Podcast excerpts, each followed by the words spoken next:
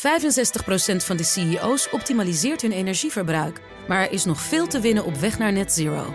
Meer weten? Ga naar pwc.nl slash netzero. BNR's Big Five van de nieuwe mobiliteit wordt mede mogelijk gemaakt door BP Fleet Solutions.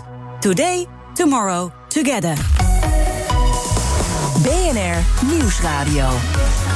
The Big Five. Art Rojakkers. Welkom bij BNR's Big Five. Hoe houden we Nederland mooi, groen en mobiel?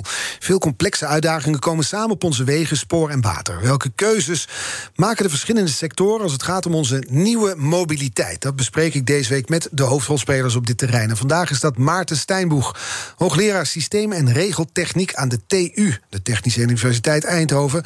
Een man die weet waar de struikenblokken liggen en waar de oplossingen vandaan moeten komen op het gebied van mobiliteit, toch? Ja, zo is dat. Nou, gelukkig maar. Dan beginnen we goed. Een beetje, ja. drie stellingen waar je eens of oneens op mag antwoorden. En dan kan nuanceren later. Files worden een reliquie uit het verleden. Uh, eens. Uh, eens of oneens? Uh, eens. Eens, oké. Okay, ja. ja. ik zit een beetje te twijfelen. ja, ja. eens. Vliegen is het nieuwe rook. Over tien jaar gaat niemand meer de lucht in. Oneens? Nederland is het perfecte land om te innoveren op het gebied van mobiliteit. Daar ben ik het mee eens, uiteraard. Ja. Snap ik ook, ja. Nou, we komen op alles wel terug, hoor. Maar we beginnen maar even bij het nieuws. Want we hebben deze week over nieuwe mobiliteit. Dus onder andere over hoe we ons transport zo kunnen organiseren... dat het klimaat er niet onder bezwijkt. En dat doen we, pardon, dat doen we na het afgelopen weekend. Het feestje van de fossiele industrie. Ja, de Formule precies. 1 Ja. in Zandvoort. Ja. Hebben we ervan Ja. genoten? Ja, ik vind het geweldig eh, om, om te zien hoe dat gaat... en hoeveel mensen daar heel enthousiast van worden. Ik denk dat het heel goed is om, om dat soort sportieve evenementen te organiseren in, eh, in Nederland. Ik denk dat het eh, de sportiviteit van de jeugd stimuleert. Ik denk dat het de interesse in techniek stimuleert. Brullende benzinemotoren. Ja, kijk, dat is natuurlijk een, een uitveding eh, fenomeen, ver- verwacht ik. Ik, dacht, ik denk dat de Formule 1 uiteindelijk over zal gaan naar ook een duurzame variant. Hoewel Formule de, banden- E. de Formule 1, zeg ik nu expres. Ja. De Formule E bestaat al. Ja. En maar ik kan me voorstellen dat dat op termijn uiteindelijk gewoon gaat samensmelten. Of dat de Formule 1 zelf zich ontwikkelt tot een volledig elektrische race. Ja, want ik zat gisteren dus thuis voor te bereiden op deze Ja. week. En dan gaat het over elektrisch rijden en over waterstof... en over alle groene manieren van vervoer. Maar werd af en toe afgeleid door die scheurende benzinemotoren daar Ja, dus er zijn mensen die zeggen de Formule 1 zonder eh, geluid is niet leuk. Eh, ik kan me voorstellen dat we daar een tijdje nog eh, kunstmatig geluid bij maken. Zoals de BMW i8. Die heeft dus een kunstmatig eh, V8 geluid erbij gemaakt. Maar uiteindelijk denk ik dat we daar wel aan gaan wennen. En ik vermoed, ik noem dat wel inderdaad af en toe eens het nieuwe roken. Ik denk dat ja, over een jaar of tien, als je in Nederland alleen nog maar elektrische auto's kan kopen. Ja, dan wordt het natuurlijk niet meer acceptabel om met een, een brandstofmotor door de duinen te scheuren. Dat, ik bedoel, nu zijn er al heel veel maatschappelijke discussies. Maar ik denk dat tegen die tijd de Formule 1. Eh, in heel veel landen trouwens al, eh, al een, een forse, voor een fors deel elektrisch zal zijn geworden. Ja, dus over een jaar of tien geen Formule 1 meer, maar Formule E. Nou, het zou kunnen dat die Formule 1 blijft bestaan. Maar Maar dat die elektrisch wordt. Kijk, Ja. de Formule E die, is, die bestaat al, maar daar zijn heel veel restricties aan hoe de auto eruit moet zien en hoe die ontworpen is. Het mooie van de Formule 1 is dat, dat er minder eh, beperkingen zijn qua ontwerp van de auto. En daardoor kunnen fabrikanten ook meer dingen testen. Dus ik, ik sluit niet uit dat de Formule 1 zelf zich ontwikkelt. Er zit nu al best wel aardig wat elektrische aandrijftechniek in. Met name vanwege het wegrijden. Want je accelereert ontzettend goed als je elektrisch kan aandrijven. Omdat die elektromotor vrijwel momentaan op zijn koppel zit. Terwijl de verbrandingsmotor moet echt op toeren komen voordat hij een koppel heeft.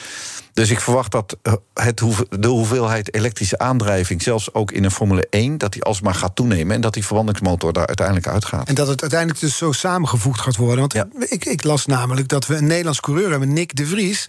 Die heeft de Formule E weten te winnen. De Ja, elektrische Ja. Formule E. Ja. Ehm, dat doet hij dan voor Mercedes. Maar heeft Mercedes weer besloten zich toch terug te trekken uit de Formule 1. Formule E. Die E en Ja. die 1, hè? Maar om dus toch die benzine Formule 1 Nou, maar te blijven. je ziet dat die wereld een beetje in beweging is. Dus Honda trekt zich terug uit de Formule 1. Mhm. Omdat ze heel openlijk zeggen: wij geloven niet meer in die verbrandingsmotor om daarin te investeren qua kennis. Maar Mercedes en ik geloof ook BMW en Audi hebben zich teruggetrokken uit de Formule E. Omdat ze zich te veel beperkt voelen, denk ik, door de, de regels, die restricties in die Formule E. En daarom denk ik dat als die, als die weer fors gaan investeren in Formule 1, dat ze ook Formule 1 zullen gaan forceren om meer elektrisch te worden. Hoe dan ook genoten dit weekend. Ja, zeker. Ik vind het, eh, ja, het is een geweldige race natuurlijk, eh, om, om dat te zien. Ja, bedoel, met oranje ondanks, succes. Ondanks de covid en alle discussies over het milieu... ja, het is toch een genot om dat te zien, ja. Hoe ben je hier vandaag eigenlijk? Ik ben vandaag met mijn uh, nieuwe Model Y, de Tesla Model Y. Die heb ik twee weken geleden gekregen. En uh, ik ben er erg blij mee, want hij heeft veel meer ruimte, veel meer uh, laadruimte. En hij is ook veel stiller dan, uh, dan mijn Model 3, die, die inmiddels zo weer twee jaar oud is. Ehm, en uh, het was leuk. Mijn vrouw ging ook naar de werk vandaag. We reden een tijdje achter elkaar aan. En we hebben dus ook de energie kunnen vergelijken. Uh, het energieverbruik, dat is, dat is natuurlijk belangrijk bij een elektrische auto. Hè? Mm -hmm. hoe, wat is je bereik? En uh, nou, dat, dat, ik ben echt verbaasd. Die Model Y is 15 centimeter hoger. En, maar vanochtend gemeten, hij is gewoon net zo efficiënt, zo niet nog ietsjes efficiënter dan die Model 3. Maar dat kan ook aan de rijstijl van je vrouw liggen. Nee, natuurlijk. nee, we reden achter elkaar aan. Ja? Uh, echt uh, allebei precies op de cruise control, okay. 100 km per uur, expres om te meten en, te, en te meten. vergelijken. Het was ja. dus, ja, de temperatuur was hetzelfde buiten en ja. uh, we reden gewoon achter elkaar. Dus je aan. zag het verschil. Dat valt misschien dan meteen onder de term nieuwe mobiliteit, want dat is het thema van deze week. Wat, wat versta jij eigenlijk onder dat begrip? Nou, het, het belangrijke is dat er twee grote transities aan de hand zijn. De, de heeft 100 jaar lang de automotive mobiliteit gedomineerd. Um, en we zien een transitie naar elektrisch. En niet alleen maar voor die auto, maar ook voor vrachtvervoer en voor fietsen en voor brommers. Uh, en, zelfs ook voor de luchtvaart. We gaan daar straks nog wel even verder over praten. Dus je ziet een, een, uh, een transitie naar elektrisch, elektrische aandrijving. En de tweede is natuurlijk toch de, de ontwikkeling van veel meer deelmobiliteit. Uh, met name in de grote steden vinden mensen het toch heel onprettig om een parkeerplaats te moeten gaan betalen of huren. En je ziet dus heel veel meer mensen die langzamerhand toch toegaan naar die deelmobiliteit. Het, het samen ja, uh, gebruiken van een auto. Mm -hmm. of, of een ander onderdeel van mobiliteit. Ja, ja. En dat is ook iets waar we psychologisch gezien wel aan toe zijn. Ja, ik denk het wel, hoewel het minder snel gaat als dat we gedacht hadden. He, vijf jaar geleden dachten we, oh, we gaan allemaal in deelauto's rijden. Um, en, en we, we, dachten toen vijf jaar geleden ook nog... alles wordt heel snel autonoom. Nou, dat is allemaal ietsjes langer. Ja. Uh, we komen er straks denk ik nog wel eventjes op nee, Waarom ik het ook vraag is omdat jouw collega Carlo van der Weijer... ook verbonden aan de TU Eindhoven, me ooit wist te vertellen... die maakte de vergelijking met een wc. Die zei, ja. kijk, ja, een auto staat heel vaak stil voor de deur. Die wordt maar 2% van de tijd gebruikt... en de rest ja. van de tijd staat hij geparkeerd. Dus rationeel gezien is het veel logischer om te gaan delen. Hetzelfde geldt voor je toilet in huis. Wordt ook niet de hele tijd gebruikt, maar dan ga je ook niet delen. Nee. En een auto is net zo persoonlijk als een wc. Ja, het is je eigen huisje een beetje. Ik denk dat dat anders is voor als je in de stad woont en gewoon, gewoon uh, die parkeerproblematiek hebt van je auto. En, en voor veel mensen is een auto ook erg duur. Ik bedoel, een auto is überhaupt duur als je het per maand uitrekent. Dus ik verwacht dat er toch een, een, een, verandering komt... waarbij er veel meer deelmobiliteit zal zijn dan vroeger. Maar het is minder als dat we vijf jaar geleden dachten. Hm. Ja. En dat ligt hem in? Dat zit nou ja, vanwege de, een beetje ook wel dat, dat gevoel van dat je eigen huisje schoon moet zijn. En zeker ook met COVID, hè, dat je nadenkt van ja, daar hebben andere mensen in de auto gezeten. Ja. Dus dat, dat zal zeker wel een rem op de ontwikkelingen zijn. En het elektrisch rijden, dat, dat was het andere punt wat echt dus nadrukkelijk om de hoek komt kijken. Ja, ik noem het ook vaak liever elektrificering van mobiliteit. Want het is niet alleen maar de automobiliteit die verandert. Het Oh, aantal elektrische fietsen is natuurlijk gigantisch ja. uh, opgelopen in Nederland. Um, uh, dat geldt ook voor brommers. Uh, en dat betekent dat ook mensen een grotere actieradius gaan krijgen... door met een tweewieler elektrisch aangedreven naar hun werk te gaan. Automobiliteit is zeker een ontwikkeling die... die dat is eigenlijk een no-brainer. Iedereen ziet dat het er gewoon aankomt. Mm -hmm. Um, waterstof speelt daar geen rol van betekenis. En dat zal het ook niet gaan doen, is mijn overtuiging. Omdat het gewoon een hele inefficiënte manier is om je auto aan te drijven. Als we daar straks over hebben voor waterstof... als ja. we nog even kijken naar elektrisch rijden... wanneer komt er een definitieve doorbraak? Want er zijn nu natuurlijk nog problemen. Je hebt nog laadpaalstress, uh, beperkte actieradius, noem maar op. Nou, de belangrijkste uh, uh, drempel eigenlijk is de aanschafprijs. Uh, het is nog steeds niet zo dat je voor zeg, een Renault Twingo prijs, dus, dus 15.000 euro of zo, dat je daarvoor een elektrische auto kan kopen met een bereik van zeg 300 kilometer. Ik vind zelf 300 kilometer bereik in zomer en winter vind ik een soort van minimumnorm om plezierig en zonder laadpaalstress die auto te kunnen kopen. Dat punt hebben we nog niet bereikt. Um, we zitten nou ergens in dat, in dat hogere segment. Hè, boven de 30.000 euro kan je auto's kopen die allemaal zo'n bereik hebben van minstens 300 kilometer. Maar de batterijprijzen blijven dalen. En dat heeft heel veel te maken met die economy of scale. Wereldwijd worden er zoveel batterijen geproduceerd dat die fabrieken steeds goedkoper en efficiënter worden. En de afschrijving op de RD en de ontwikkelingskosten die, die zakt uh, naarmate je meer batterij produceert. -hmm. En dat betekent dat die prijs blijft dalen. Ik verwacht zelf in 2024 of 2025 dat de aanschaf van een elektrische auto, een batterij-elektrische aangedreven auto met een goede range, dus minstens 300 kilometer, dat die onder de prijs gaat komen van een benzineauto tegen die tijd. En dat betekent dat, uh, dat het dat de lagere segmenten, de goedkopere segmenten ook ja, alsmaar weer meer betrokken worden in die elektrische mobiliteitsomslag. Ja, maar, en dan duurt het nog even voordat het wagenpark vervangen is. Want dan nou ja, het is we hebben het dan over nieuwe auto's. Precies, maar tweedehands, die, ja. die, dan blijf je nog met de benzineauto's. Ja, het is een vervangingsmarkt. Hè. Dus, dus uh, dit jaar verwacht ik dat er zo'n 20% van de nieuwe verkopen... dat dat elektrisch, batterij-elektrisch mm -hmm. zal mhm. zijn. Dus dat betekent een vijfde van zeg 400.000 auto's, dus 80.000 auto's. Maar die komen pas vijf jaar, over vijf jaar op de tweedehandsmarkt. Nou, als je nu kijkt naar de tweedehandsmarkt, dan moet je eigenlijk naar de verkoopcijfers kijken van vijf jaar geleden, van 2016. Ja, en toen werden er nog, nog helemaal niet zoveel elektrische auto's verkocht. Dus die tweedehandsmarkt loopt echt, echt fors achter. Uh, wat, en, wat, wat, is het jaar waarop de laatste benzineauto over de Nederlandse snelwegen zoeft? Uh, 2045, denk ik. Want vanaf 2030 is, uh, is de bedoeling dat we allemaal batterij-elektrische nieuwe auto's kunnen kopen vanaf dat moment en geen benzine meer. En de gemiddelde verblijftijd is weliswaar 11 jaar. Dus gemiddeld zou het 2041 zijn. Mhm. Maar je hebt natuurlijk een, een, staart in de curve, zeg maar. En dus ik verwacht ja, eind, in de eindjaren van uh, 2040. Zo, ja. The Big Five. Art Rojakkers. Deze week vijf kopstukken uit de wereld van de nieuwe mobiliteit. Vandaag de gast Maarten Steinboeg, hoogleraar systeem en regeltechniek aan de TU Eindhoven. Ja, we hebben het dus over mobiliteit, maar ook over nieuwe mobiliteit. Daar hoort dus ook bij het feit dat we meer zijn gaan thuiswerken. Dat heeft natuurlijk invloed op ons reisgedrag, op onze mobiliteit. In hoeverre heeft het coronavirus voor een wetenschapper al conclusies opgeleverd? Ja, eh, het is, het, het, het is een veranderlijk fenomeen, de effecten daarvan. Uh, vanochtend ben ik hier uh, naar jullie uh, kantoor gereden, hier in Amsterdam.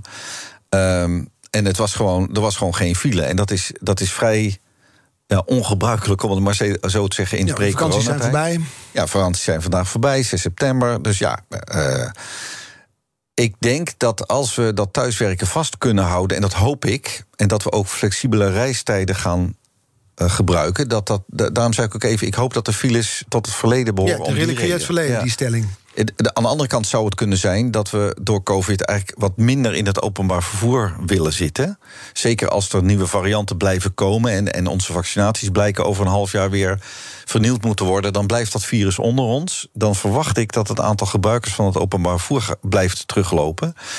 En dan, dan zijn er dus meer mensen die weer gebruik willen maken van, uh, van rijden. En het is wel interessant om na te denken. Stel dat iedereen de beschikking heeft over de elektrische auto, dan maakt het voor het milieu eigenlijk ook niet heel veel meer uit. Een trein heeft net zo goed uitstoot, heeft ook gewoon fijnstofuitstoot. Uh, van, de, van, de, van de remmen, van de wielen op het spoor, van de bovenleiding. Um, en, en die elektrische auto heeft ook alleen nog maar dan bandenuitstoot, banden, slijpseluitstoot.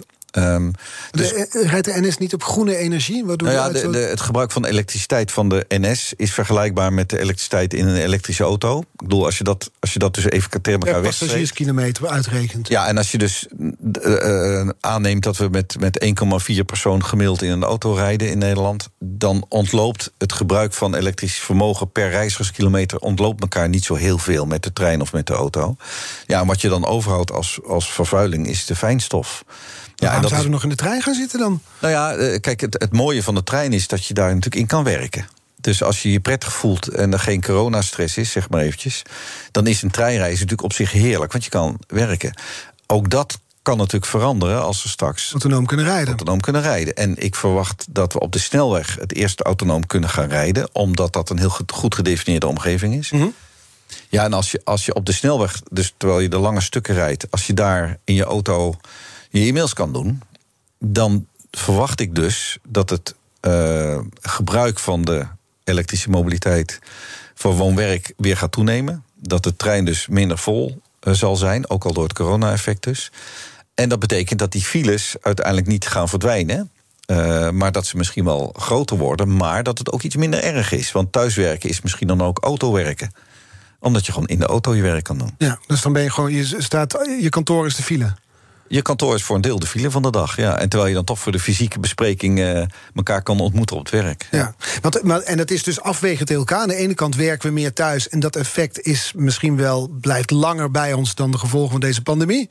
En aan de andere kant ja, zijn we toch ook bang misschien in het openbaar vervoer en gaan we naar het werk. En dan is het de vraag hoe je dat tegen elkaar kunt afwegen. Ja, uh, dat klopt. En in beide gevallen is het, is het dominant uh, om na te denken van hoe gaat corona zich ontwikkelen. Dus als corona over twee jaar helemaal weg zou zijn, stel even dat er geen covid-virussen meer rond waren, ja, dan kan ik me voorstellen dat we weer toch terugvallen in onze normale manier van werken en dat we allemaal weer naar kantoor gaan. Ik zou het betreuren, want voor het milieu, hoe je het ook went of verkeerd, is het altijd beter om een deel van de tijd gewoon thuis te werken. En ik denk dat we geleerd hebben dat de wereld misschien ook wel kleiner is geworden omdat we thuis kunnen werken. Het is zo makkelijk, ook voor een promotiezitting hè, bij ons aan de TU Eindhoven.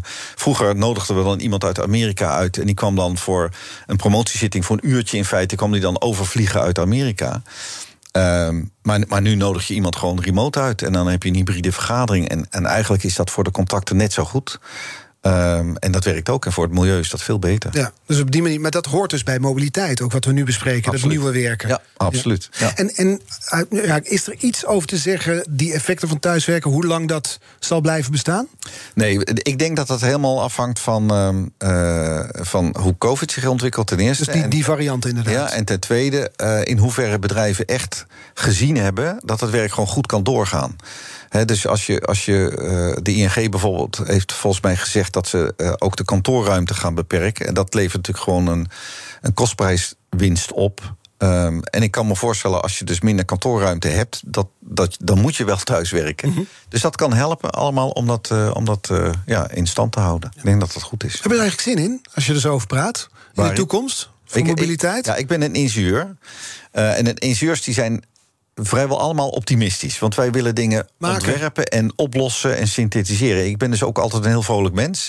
Bij mij is het glas altijd half vol ja? en niet half leeg. En soms zeggen we wel eens als ingenieurs van nou...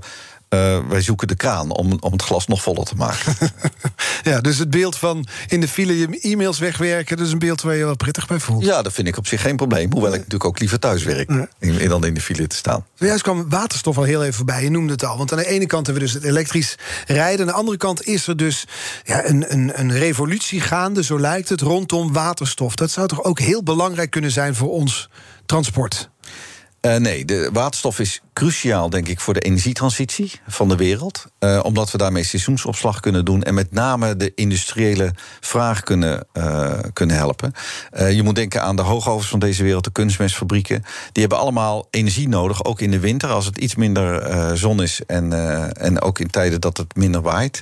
En dan hebben we dus opslag uh, nodig van energie die we dan kunnen gebruiken voor de industrie. De industrie is ongeveer een kwart van de vraag in Nederland naar uh, energie. En waterstof moet je echt benutten voor dat segment. Het is namelijk niet nodig om het voor mobiliteit te gebruiken. En dit is daarmee ook zonde, want om waterstof te maken heb je uh, elektrische energie nodig. Dat doe je met elektrolyse. Um, tenminste, als we over groene waterstof praten. Uh, maar daar, daar, daarin gooi je een deel van de energie weer weg. Dus waterstof maken doe je met groene energie, met elektriciteit. En daarbij gooi je een stukje van dat elektrisch vermogen gooi je weg, of die energie. Dan hou je waterstof over. En bij het omzetten van die waterstof weer naar elektrisch vermogen, verlies je weer een stukje. Netto kost het ongeveer drie keer zoveel windturbines en zonnepanelen. Drie keer zoveel om waterstof als tussenstap te hebben dan wanneer je direct elektriciteit kan gebruiken. Dus in al die toepassingen waarbij je direct elektriciteit kan benutten, moet je dat gewoon doen. Want dan heb je dus drie keer zo weinig windturbines en, en, en zonnepanelen nodig. Nou, mobiliteit is een prachtig voorbeeld waarbij het uitstekend kan. Um, dus waterstofauto's kunnen we uit ons hoofd zetten? Ja, het, ik vind het zonde van de ontwikkeling. En dat geldt zelfs ook voor vrachtwagens. Het is, het is complexer, het is duurder. De brandstof is duurder. Hè, want je hebt drie keer zoveel energie nodig uiteindelijk om waterstof te maken. Dus ik denk dat het een no-brainer is dat dat hem niet wordt. Overigens, je zou waterstof rijden nog steeds elektrisch rijden kunnen noemen. Want ook een waterstofauto heeft gewoon een elektromotor en een klein beetje batterij voor het snelle optrekken. Maar het is qua, uh, qua uh, ja, als je energetisch redeneert en ook qua CO2-footprint dus uiteindelijk, is het gewoon zonde om waterstof te gebruiken voor mobiliteit. Ja, en dat is in de industrie dus anders. Want uh, volgens CEO Albert Kastelein van het havenbedrijf Rotterdam, donderdag hier te gast, kunnen er grotere stappen worden, stappen worden gezet als ons land groots inzet op waterstof. Ik denk dat het, dat het noodzakelijk is, nogmaals. Uh, en ik denk dat, dat er ook een mooie uitdaging ligt voor Nederland... ook om economisch daarvan eh, te profiteren. Om transportland van waterstof te zijn. Ik, ik denk in de verre toekomst, als je nadenkt over de, de verre afstand luchtvaart... dus internationaal luchtverkeer... dan kan het niet anders dan dat we dat CO2-neutraal gaan, gaan doen. En dat kan eigenlijk alleen maar door uh, kerosines te maken uit uh, duurzame bronnen. En, en, hoe je dat kan doen is bijvoorbeeld waterstof maken uit groene energie. Mm -hmm. uh, en, en, en CO2 uit de lucht te halen. Door direct air capture bijvoorbeeld. Hè. Dus dat zijn apparaten die CO2 uit de lucht kunnen filteren. En H2, dus waterstof en CO2, die kan je gewoon in een standaard, dat is nu een standaard chemisch proces, kan je daar kerosine van maken. En kerosine is het meest compacte koolwaterstof uh, energetisch gezien het meest compacte wat je kan bedenken. Dus kerosine als buffer is, is een hele interessante. Dus H2 en CO2 maak je kerosine van. Dan kan je de internationale luchtvaart op laten vliegen. je hebt de gave om alles heel makkelijk te laten klinken, maar het gebeurt nog niet. Nou, het gebeurt niet, want het is ontzettend duur nog. Want het maken van waterstof is duur, want elektrolyseapparatuur is duur. Het halen van CO2 uit de lucht kunnen we nog niet op een efficiënte manier. Die apparaten die we daarvoor nodig hebben, die moeten ongeveer nog een factor 5 tot 10 goedkoper dan dat we nu hebben. Dus daar moeten we heel veel innovatie in inzetten. En dat valt allemaal onder dat kopje waterstofeconomie. Dat, dat past daarbij dat we onze high-tech industrie inzetten, samen met onze scheikundige industrie, mm. om die, om die waterstofeconomie mogelijk te maken. En als we dan die, die waterstof economie op orde hebben, als dat goedkoop kan, ja, dan kunnen we dus uh, uh, vliegtuigen laten vliegen op langere afstanden. We kunnen containerscheepvaart bijvoorbeeld voorzien van of kerosine of ammoniak. Dat is ook een tussenvorm, een vloeibare. En op al die manieren eigenlijk vergroenen. Ja, en op al die manieren vergroenen. En, en dan tenslotte, dus wat ik al zei, de industrie uh, de industriële vraag ja. uh, is, is een kwart van onze totale energiebehoefte in en Nederland. dus die energiebehoefte ook ja. anders inrichten. Ja, we praten zo uh, verder met Maarten Steinburg. Onder andere over nou, dus vliegen. Daar moeten we nog ook over hebben. Maar ik wil het ook wel over de fiets hebben. 8% van onze kilometers in Nederland leggen we af op de fiets. En dat doen we dus ook steeds vaker elektrisch. Tot zo. 65% van de CEO's optimaliseert hun energieverbruik. Maar er is nog veel te winnen op weg naar net zero. Meer weten? Ga naar pwc.nl slash netzero. BNR Nieuwsradio. The Big Five. Art Rojakkers. Welkom bij het tweede halfuur van BNR's Big Five. Deze week vijf kopstukken uit de wereld van de nieuwe mobiliteit. Morgen praat ik bijvoorbeeld met Robin Berg, initiatiefnemer van We Drive Solar... over auto's die je huis kunnen verwarmen. Vandaag is de gast Maarten Steinbloeg, hoogleraar systeem- en regeltechniek... vervoerstechnieken ook hè, aan de Technische Universiteit Eindhoven. Um, Zullen we het eens over het vliegverkeer hebben? Want dat is toch ook wel een flinke slok op een borrel die we daar kunnen pakken als dat een beetje vergroent, ja, als je, toch? Als je, als je naar totaal kijkt van de mobiliteit uh, CO2-footprint, dan valt vliegen op zich wel mee. Een aantal procenten, niet heel veel meer. Maar het is wel iets wat natuurlijk uh, uh, waar we mee bezig zijn met z'n allen. Ook al omdat je gewoon, ja, het blijft natuurlijk vreemd dat je voor twee tientjes naar Zuid-Europa kan vliegen. Mm -hmm. Uh, en, en bij één vlucht uh, verbruik je per persoon ongeveer evenveel als dat je met de auto uh, in je eentje naar Zuid-Frankrijk rijdt met een benzineauto. op zich valt dat misschien nog wel mee, maar ja, je gaat niet met je benzineauto voor een weekendje naar Zuid-Frankrijk. Dus, dus, dus die effecten, ja, die hebben natuurlijk wel degelijk effect op, ja. op het milieu. Volgens jouw collega Carlo van der Weijer, ik kwam al eerder te sprake, gaat het vliegverkeer na de coronacrisis eerder toe dan afnemen?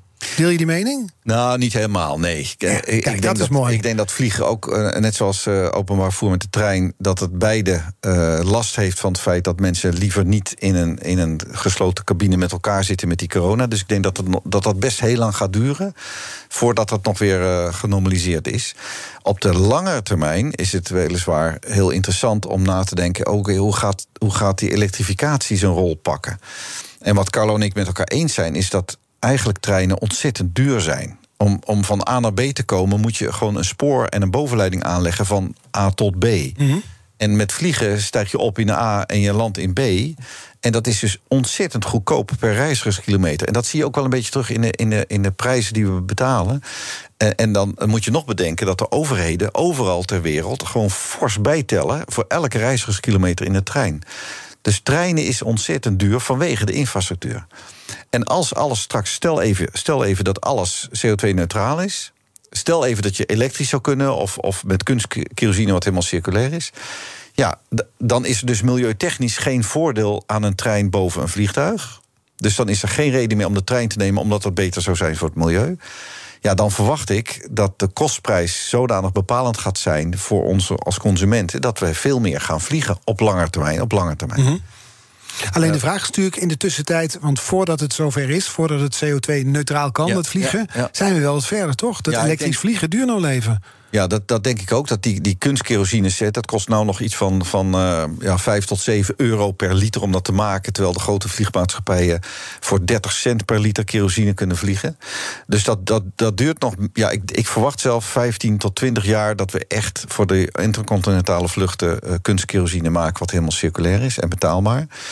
Um, ik denk de kortere termijn, wat ik heel interessant vind, is de hele ontwikkeling van elektrificatie van de luchtvaart. En we moeten dan niet denken dat we alle vluchten binnen Europa allemaal uh, volledig batterij elektrisch zouden kunnen gaan doen. Mm -hmm. Maar er zijn wel hele interessante ontwikkelingen. Als je kijkt naar de batterijtechnologie, um, uh, dan verwacht ik dat er een nieuw segment ontstaat in de luchtvaart. Vluchten tot 500 kilometer met passagiers, nou 20, 30, misschien zelfs tot 50 toestellen met 50 passagiers in ja, 2030, 2035. Dat is heel interessant. Want en die gaan dan elektrisch. En die gaan dan met de batterij elektrisch. En net niet naar Parijs dus. Ja, de, kan je, de, ja, de prijs kan je dus net halen. Dat is 450 kilometer. Oh nee, we zitten dan in Amsterdam natuurlijk. Ik reken ja, precies. Je rekent vanuit Eindhoven. Ja. Wij stranden dan net ergens ten noorden nee, van Parijs. Parijs zou net, net kunnen, denk ik, mm. over, uh, over een tiental jaren. Um, en veel goedkoper en veel sneller. Dus voor de consument is dat gewoon natuurlijk de way to go. Mm. Um, hier spreekt weer de optimistische ingenieur. Maar als ik kijk naar het vliegverkeer, dan heeft dat een flinke knal gehad door corona. Ja. En nu is nog steeds kerosine. Uh, en zijn er heel veel mensen die wel ook wel vakantiebehoeften hebben. Ja. Dus dat blijft een, een vervuilende sector. Ja, zeker. Ja. En dat, en dat is niet op korte termijn op te nee, lossen. En dat, is, dat zal het ook zo nog eventjes blijven. Ik ben natuurlijk een, iemand die in de wetenschap ook werkt. En die, die nadenkt en met mijn groep onderzoek doet naar de langere termijn nieuwe oplossingen. En vandaar dat ik heel vaak praat over de toekomst. En de verdere toekomst, hè, tussen vijf en tien jaar, dat is ongeveer de scope waar, waar we veel ontwikkelingen al nu zien ontstaan. Mm -hmm. In Nederland zijn de eerste uh, uh, elektrische toestelletjes uh, gesignaleerd. Hè, dus de Pipistrel. ik heb zelf ook mee kunnen vliegen een paar weken geleden.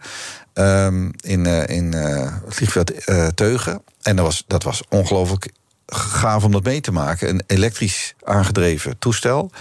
Wat veel stiller is dan een motorisch aangedreven toestel. Want ja, die, die propeller kan op een lage toertal draaien. Dat, die propeller hoeft nog niet te draaien als je gewoon staat te wachten om mm -hmm. te starten. Die motor hoeft dan niet te loeien. We hebben gewoon daar, daar staan, staan wachten tot er een, een motorische, een, een fossiel aangedreven vliegtuig starten. Dat maakt echt veel meer herrie. Dus ja. die elektrische mobiliteit die gaat ontstaan. Maar het begint allemaal in het kleine segment. We, we, hebben nu toestellen met twee personen. Er zijn verschillende start-ups en grote partijen die ja. werken aan vijf personen, negen personen, twintig personen komt er ook aan. Ja, dus, dus dat, dat zijn allemaal hele... mooie kleine initiatieven. Ja. Maar dan zit ik te kijken naar bijvoorbeeld een EasyJet-vlucht naar Barcelona. Wanneer is die elektrisch? Hoeveel jaren zijn we dan verder? Uh, dat zou kunnen zijn in 2035. Verwacht. Hebben die tijd, klimaattechnisch gezien? Nee, nee, dus uh, we moeten vooral in de tussentijd uh, veel minder vliegen... maar vooral ook veel minder consumeren... en veel sneller elektrische auto's gaan kopen. En veel meer windturbines neerzetten en veel meer zonnepanelen. Ja, maar dit is de ingenieursoplossing, maar dat doen we allemaal niet. Nou, dat doen we wel. Probeer wat pessimisme we... in je systeem nee, nee, te krijgen. Nee, je moet hard je best doen. Ja. Nee, ik denk dat er heel veel goede dingen gebeuren. En, en wat ik, waar ik vooral heel blij mee ben... ik denk dat het afgelopen jaar die omslag is gekomen dat veel meer mensen zich realiseren dat het echt gewoon één minuut voor twaalf is ten aanzien van het klimaat. En dat komt niet in de laatste plaats door die overstroming in Limburg en in Duitsland en de bosbranden overal in de wereld. Het is gewoon echt één minuut voor twaalf. Dus alles wat we kunnen doen, dat geldt ook voor woningisolatie. Alles wat we kunnen doen, dat moeten we echt gewoon allemaal oppakken. Mm -hmm. En uh, nou, gelukkig zie je dat, dat zelfs ons kabinet en ik hopelijk ons nieuwe kabinet zich daar ook, ook eh, dat zich heel goed bewust is. Ja, maar het, het, gaat toch niet. Toch even over vliegen. Het gaat toch niet snel genoeg. Want aan de ene kant kun je dus zeggen: dan maar niet vliegen, minder vliegen. Ja. Maar je hebt om te, te, kunnen innoveren heb je ook schaal nodig. Dus als we nou stoppen met vliegen, dan gaan de innovaties veel langzamer. Nee, dat is niet waar. Want als we nu stoppen met het fossiele vliegen, dan gaan de, de innovaties niet verloren. Die gaan over elektrisch vliegen. Dus zodra er elektrisch kan worden gevlogen, dan raad ik iedereen aan om lekker elektrisch te gaan vliegen. Um, maar uh, als je je kan kiezen van ik blijf thuis of in Nederland... of ik kan met een elektrische auto op vakantie in plaats van een vliegvakantie. Ja, als, als je kan kiezen, probeer dan na te denken... of je niet deze keer voor een, een kortere vakantie dichterbij kiest. Um, dat doen we toch nogmaals, niet. vliegverkeer is, is maar een, een paar procent van ons totale energieverbruik. Ja. Uh, onze, onze... Nee, het is 1 voor 12, zei je ook al. Ja, zeker. Dus ah, kijk, als je thuis zonnepanelen kan aanleggen, doen alsjeblieft. Als je thuis een warmtepomp uh, zinvol kan laten installeren, doen. Ik heb dat een paar jaar geleden ook gedaan. Heel veel zonnepanelen neergelegd en een warmtepomp. En dan mag ik wel voor een midweekje naar New York als ik dat allemaal Nee, nee, nee, nee oh, dat, ook niet. niet. Maar het helpt wel in je, in, je, in je bijdrage aan het totaal, denk ik. En minder rood vlees eten. We eten, sinds we dat ons bewust zijn, veel minder uh, vlees. Mm -hmm. uh, veel meer kip. Kip is veel uh, energie-efficiënt en ja. CO2 beter dan, dan rood vlees bijvoorbeeld. Ja, maar dat zijn je vrouw en jij. Maar toch, ja. dat, dat vliegen, dat is dus... Er, komt op een gegeven moment, als het goed is... een moment dat we elektrisch kunnen vliegen... maar dat kan nog tientallen jaren duren. Ja, tot nog, die tijd minderen, zeg je. Ja, en, ja en, en, en ik geloof niet dat mensen uit zichzelf minderen. Dus, dus ik ben heel erg voor een CO2-tax, waarbij je ook gewoon die vliegtuigen uh, belast. En waarbij mensen ook gewoon moeten betalen al, al naar, al, naar functie van hoeveel CO2-belasting dat geeft. Hm. Uiteindelijk eh, werkt die portemonnee het best, denk ik, om het gedrag van mensen ook een beetje bij te sturen. Ja, dus ja. niet alleen de wortel, maar ook de stok. Ja. Ja. En de, geldt het ook voor de trein dan? Want we hadden het al even over dat het eigenlijk nou, niet goedkoper is. Het is eigenlijk een, een dure manier van vervoer. Jawel, maar hij, is wel CO2, CO2 natuurlijk optimaal op dit moment. Omdat, ja. omdat de NS contract heeft gesloten om alle elektrische energie groen te maken eh, of te gebruiken. Dus ik denk dat de trein, de trein is prima om nu te gebruiken. Ja, en het is ook goed dat het zo geholpen absoluut. wordt door overheden. Oh, de, de, absoluut. En ik denk dat het ook, ook in Nederland, zo'n dichtbevolkt land als Nederland, prima is. En je, en je moet vooral de bestaande uh, spoorleidingen ook, ook goed onderhouden. Ik denk dat je moet afvragen of je miljarden moet steken in het aanleggen van nieuwe lijnen mm. met de trein. Juist omdat je dat doet voor de komende 40 jaar. Maar die, die mobiliteitstransitie zit eraan. Zo snel. Als we straks echt allemaal elektrisch kunnen ja. rijden, is de noodzaak.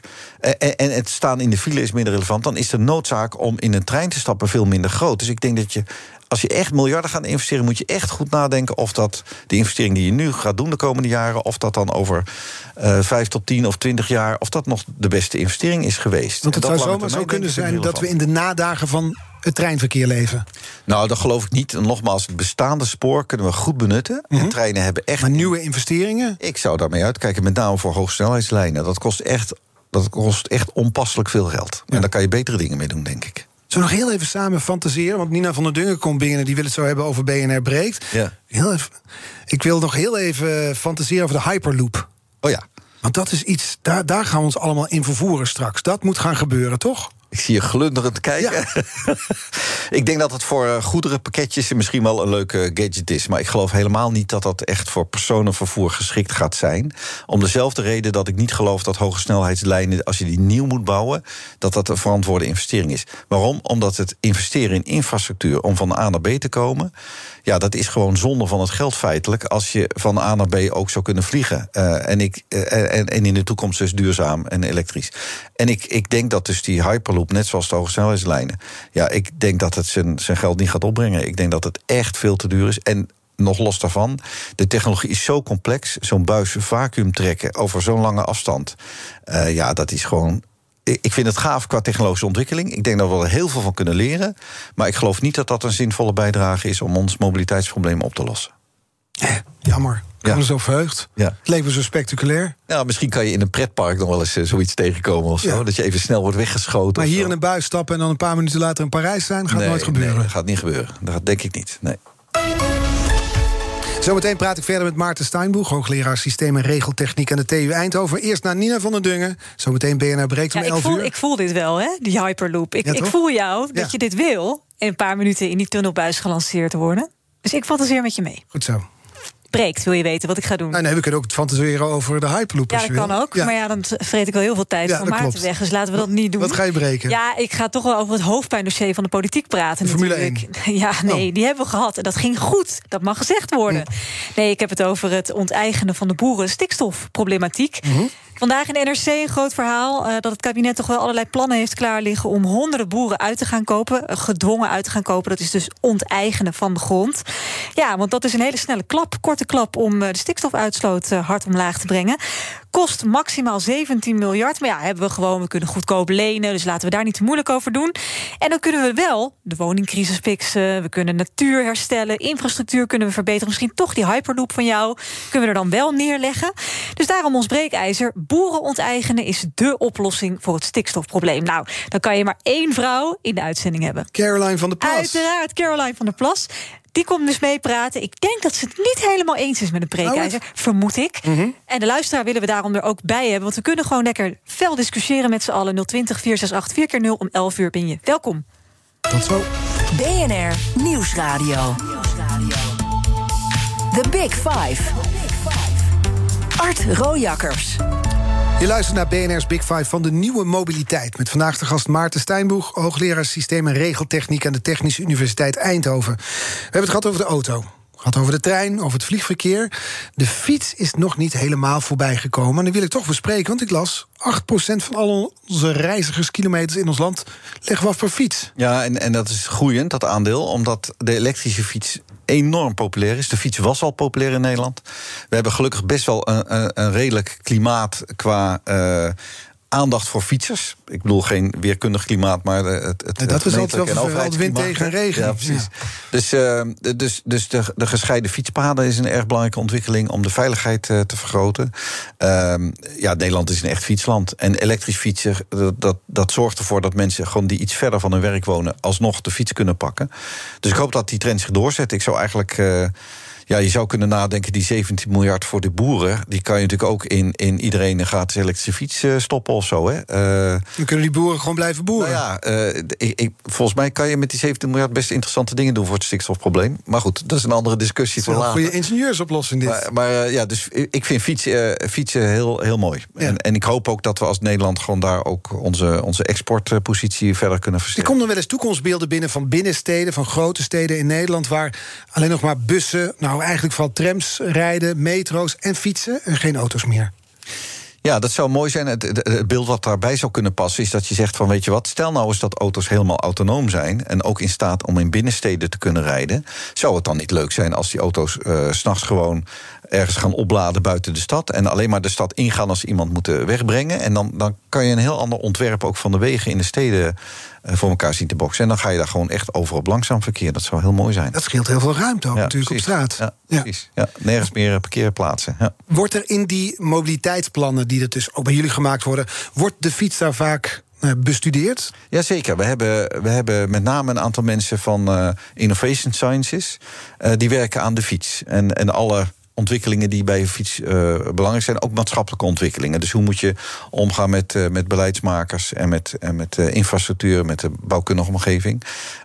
wij kijken wat minder naar de techniek van de fiets. Ehm, dat is, wel af. Nou, nee, dat niet. Er zijn best interessante ontwikkelingen, zeker aan de elektrische kant en de batterijenkant. Maar dat, dat zit niet zo in, ons, in onze focus op dit moment. Wat jullie wel aan het doen zijn, is um, uh, de Eindhoven Engine. Ja. Daar ben je een van de aanjagers van. Ja. Dat is een, een, ja, een project waarbij onderzoek, wat jullie dus doen, bijvoorbeeld naar fietsen of andere dingen, niet alleen maar binnen kennisinstellingen blijft. Nee, precies. Wat ik heel belangrijk vind, in, in de, de tijd gaat heel snel in, uh, in uh, de ontwikkelingen. Dus de, de technologie ontwikkelt zich exponentieel. Dat komt door de wet van Moore, de ontwikkeling van, van chips. Uh, Die al, verdubbelt elke... Elke 18 maanden verdubbelt de, de kwaliteit van chips... wat je kan doen met je, met je smartphone en je tv en alle, alle andere dingen. Um, en, van, en vanwege die versnelling denk ik dat wij ook moeten zorgen dat innovatie sneller wordt. En dus dat je alle kennis die je ontwikkelt binnen kennisinstellingen, dat je die sneller naar de markt kan brengen. Mm -hmm. En daarvoor hebben we Eindhoven Engine opgezet. Een samenwerking met aandeelhouders TU Eindhoven, Fontis en uh, TNO. Maar samen met het lokale bedrijfsleven in de Brainport-regio, ook met geld van de Brainport Actieagenda-regio geld. Om te zorgen dat de kennis niet alleen binnen de universiteit blijft. En dat we sneller door die TRL-niveau, sneller naar, door die innovatiecyclus gaan. Dat we dus nieuwe ideeën pakken en gelijk al nadenken kunnen we hier een bedrijf van maken. Of bestaande bedrijven die bij ons in de Eindhoven Engine een project kunnen doen. Om ook geïnspireerd te worden door andere bedrijven die ook bij ons een project doen. We hebben nu 19 projecten in de Eindhoven ja. Engine. En dat varieert van, van ASML-achtige high-tech machinebouw. tot en met bouwkundige oplossingen. tot en met autonoom rijden met NXP. Tot en met uh, de kunstmatige baarmoeder. Uh, ook een, een, en andere healthcare projecten. We proberen ook over die grenzen van die disciplines heen. en over die grenzen van die maatschappelijke thema's. dat de projecten elkaar ook beïnvloeden en, en vers, elkaar helpen te versnellen. Dus ja. het enabelen van serendipiteit. Dus de, de, de onverwachte. Nu ben je me even kwijt hoor. Het enabelen van de serendipiteit. Ja, dus het, dus het, het, is maandagochtend, hè? Hou er rekening mee. Het stimuleren van de onverwachte ontmoetingen. Dat is eigenlijk wat we, we organiseren, de onverwachte ontmoetingen. Mm -hmm. Uh, en daardoor kunnen we proberen die, die innovatie te versnellen. Oké, okay. ja. een van die onverwachte ontmoetingen dat doen wij namelijk ook in dit programma. Ja.